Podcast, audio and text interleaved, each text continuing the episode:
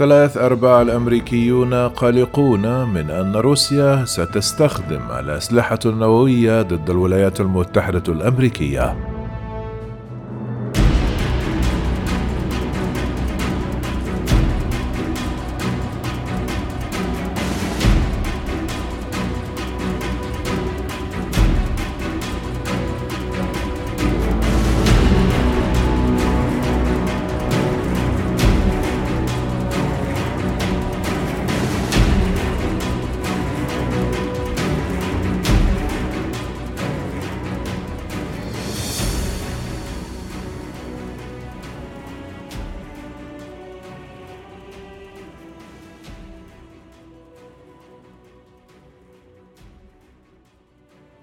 منذ الغزو الروسي لاوكرانيا قبل أربعة أشهر كان السؤال الذي يبرز باستمرار هل يجب أن يخرجوا من المدينة قبل أن تبدأ الصواريخ النووية في التحليق؟ في الواقع لا توجد طريقة لتجاوز حرب نووية استراتيجية والتي من شأنها أن تقتل ملايين لا تحصى وتدمر الاقتصاد وتسمم الكوكب. لكن ليس هناك شك في أن المخاوف حقيقية. ففي مارس المنصرم أظهر استطلاع أجرته وكالة أسوشيت بريس أن ثلاثة أرباع الأمريكيين قلقون من أن روسيا ستستخدم الأسلحة النووية ضد الولايات المتحدة الأمريكية وأكثر من نصفهم قلقون من أن الروس سيستهدفون مسقط رأسهم على وجه التحديد. وبالمثل وجد تقرير صدر في الشهر التالي عن مجلس شيكاغو للشؤون العالمية أن 70% من الأمريكيين يخشون من تبادل نووي أمريكي مع روسيا. من ناحية أخرى يبدو ردة الفعل هذا مثير للقلق. بعد كل شيء لا يزال المنطق البارد للردع النووي ساريا. يظل التدمير المتبادل المؤكد متبادلا ومضمونا من ناحية أخرى. فإن قعقعة بوتون النووية مخيفة في الواقع. منذ اليوم الأول للغزو الروسي لأوكرانيا حذر من أن أي تدخل خارجي سيؤدي إلى عواقب لم تشهدها من قبل في تاريخك.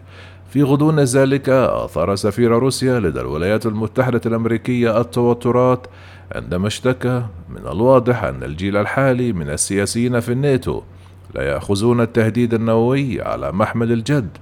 ربما للتأكد من أنهم فعلوا ذلك وعرض التلفزيون الروسي مؤخرا عرضا متحركا قام فيه توربيد نووي بقوة 100 ميجا طن بتحويل بريطانيا إلى صحراء مشعة.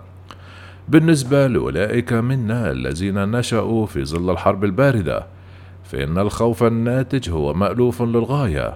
ويعيد إحياء الذكريات التي اعتقدنا أنها آمنة للتخلص منها. والآن أعاد الغزو الروسي لأوكرانيا إحياء تلك المخاوف وقد تمت المصادقة على هذه المخاوف رسميا من قبل الجميع من وكالة المخابرات المركزية إلى الاتحاد الأوروبي وما وراءه. كما قال الأمين العام للأمم المتحدة أنطونيو غوتريش للصحفيين في مارس أذار المنصرم إن احتمال نشوب صراع نووي عاد الآن إلى نطاق الاحتمال. هذا يبدو سيئا لكن عالم الاحتمالات هو مكان شاسع.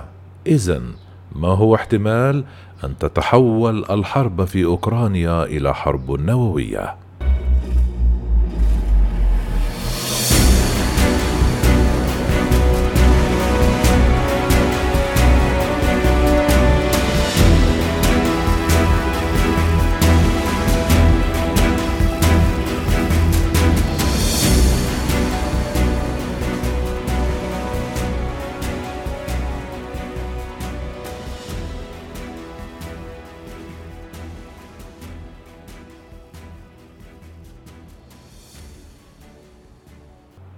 قد تبدو الإجابة على هذا السؤال مستحيلة لكن الحقيقة مشجعة أكثر.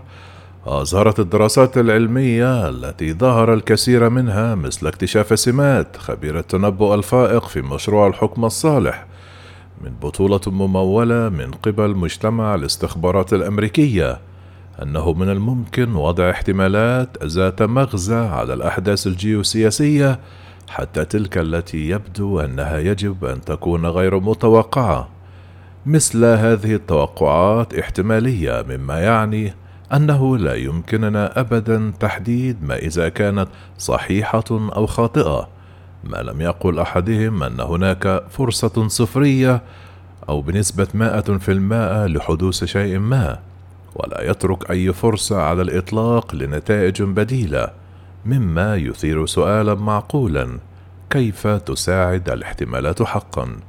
على المستوى الشخصي يمكن أن يساعدنا تقدير الاحتمالات في فهم المواقف المعقدة للغاية بحيث تبدو محيرة عندما نواجه موقفا ساحقا مثل خطر نشوب حرب نووية فإن تقسيم المشكلة إلى اجزائها المكونة هو استراتيجية مفيدة من أجل اندلاع حرب نووية يجب أن تحدث أحداث معينة. استمكنا من تخصيص احتمالات تلك الأحداث فيمكننا كشف الكتلة العملاقة للقلق الذري. يمكننا أن نضع اسما أو في هذه الحالة رقما لخوفنا ونحسب له حسابا مع هذا القلق ووضعه في منظوره جنبا إلى جنب مع مصادر القلق الأخرى. هذه العملية تساعد صانعي السياسات كذلك بمجرد تحديد المسارات المختلفة للحرب. يمكننا تحديد نقاط القرار الرئيسية بشكل أفضل ودرجة المخاطرة التي تشكلها. من خلال القيام بذلك يمكننا التأكد من أن أفعالنا لا تزيد من غير قصد من فرصة حدوث نهاية العالم. يمكننا أيضا تحديد أولويات المخاطر وتخصيص الموارد بشكل أكثر عقلانية مثل الوقت والانتباه والمال ومعرفة أين أخطاؤنا أو أين قد نخطئ. من الواضح أن خطر نشوب حرب نووية ليس صفرا. اقتربت الولايات المتحدة والاتحاد السوفيتي من خوض حرب نووية عدة مرات خلال الحرب الباردة.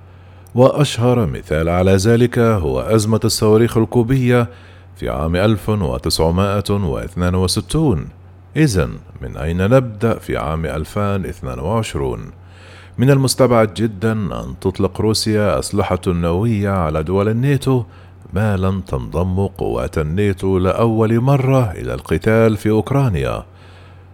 كان هناك الكثير من التكهنات بأن بوتون غير عقلاني حيث يميل الناس إلى القول بأنه فعل شيئا لم يكن بعد فوات الأوان في مصلحته الشخصية. ومع ذلك هناك القليل من الأدلة التي تشير إلى أن بوتين انتحاري.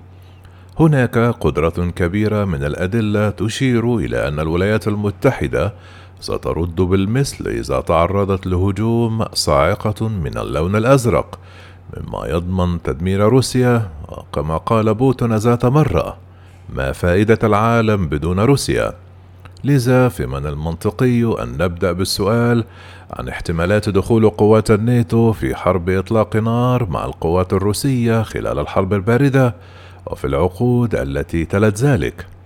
تمكنت واشنطن وموسكو من تجنب المواجهة المسلحة بالكامل تقريبا. لقد خاضوا حروبا بالوكالة وسلحوا خصوم بعضهم البعض، ولكن القتال المباشر كان الاستثناء وليس القاعدة.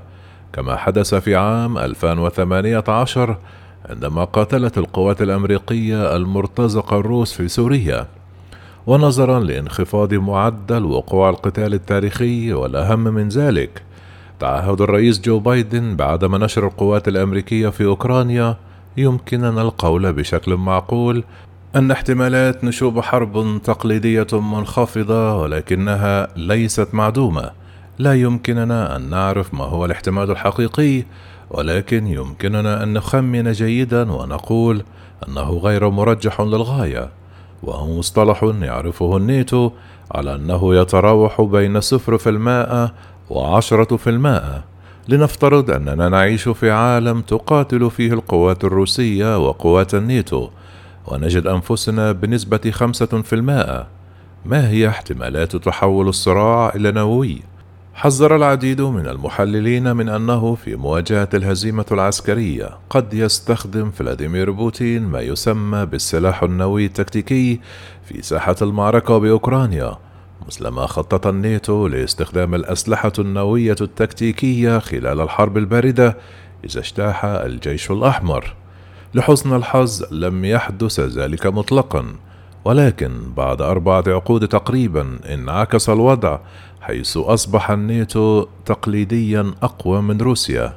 لذلك قد تلجأ روسيا إلى الأسلحة النووية في أي صراع إذا شعرت أن وجودها مهدد.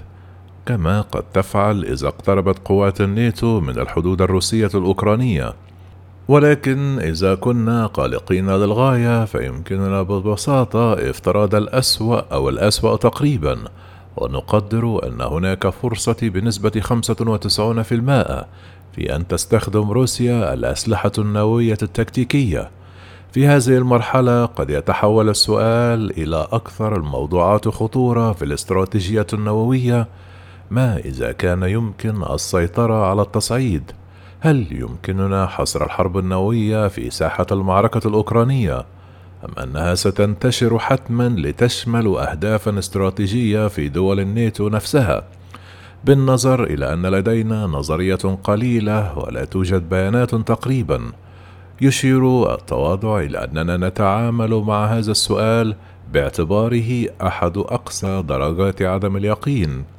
وهو بنسبة خمسون على خمسون في أي من الاتجاهين أي أننا نعترف بجهلنا ونضعه في الاعتبار في تقديرنا العام. يبدو هذا وكأنه نظرة قاتمة للمستقبل ولكن إذا كانت الاحتمالات مشروطة ببعضها البعض أي إذا استخدمنا الأرقام أعلاه وحسبنا احتمالات قيام قوات الناتو بمقاتلة القوات الروسية بشكل مباشر. واستخدام روسيا للأسلحة النووية ردا على ذلك تصاعد الصراع إلى تبادل استراتيجي.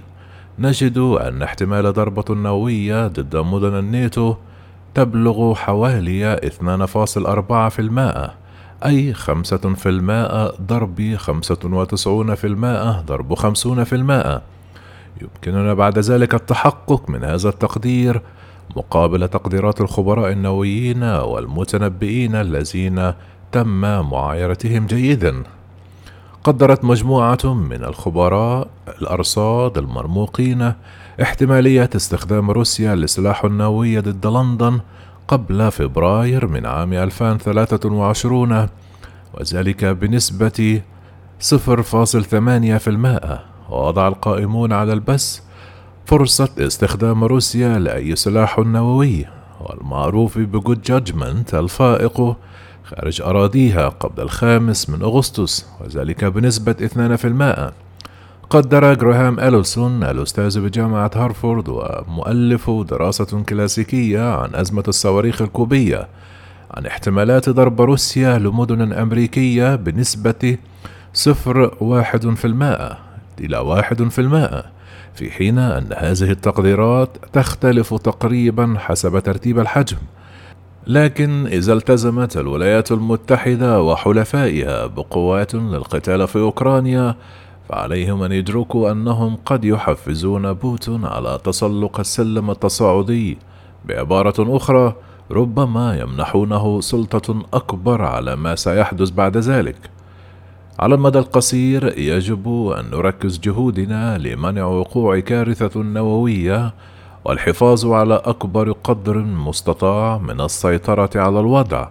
على المدى الطويل يجب أن نتابع إمكانية التنبؤ والشفافية والاستقرار التي يمكن أن يوفرها إطار قوي لتحديد الأسلحة.